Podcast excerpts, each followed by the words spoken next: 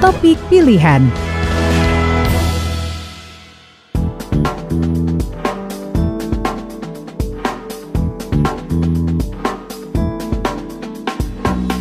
Baik, Classy People, rapid antigen sudah diterapkan mulai kemarin. Akibat penerapan rapid antigen terlihat suasana penumpang antri sebelum keberangkatan.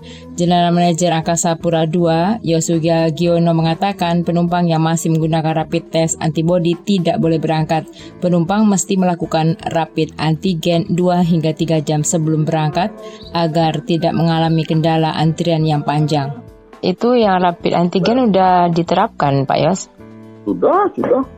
Oh, dari hari apa Pak Yos? Dari kemarin. Dari kemarin ya. Jadi yang penumpang dari Padang ke luar juga pakai rapid antigen? Betul, betul. Kalau misalnya pakai rapid biasa gimana Pak Yos?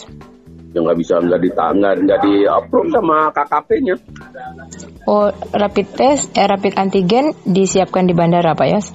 Iya disiapkan. Berapa biayanya Pak Yos?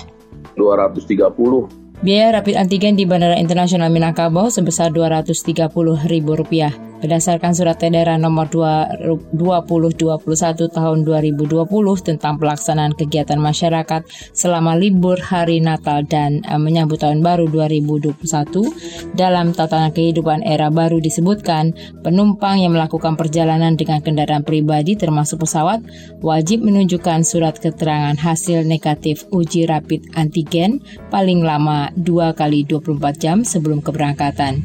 Demikian Dara Rizani melaporkan untuk Lesi FM.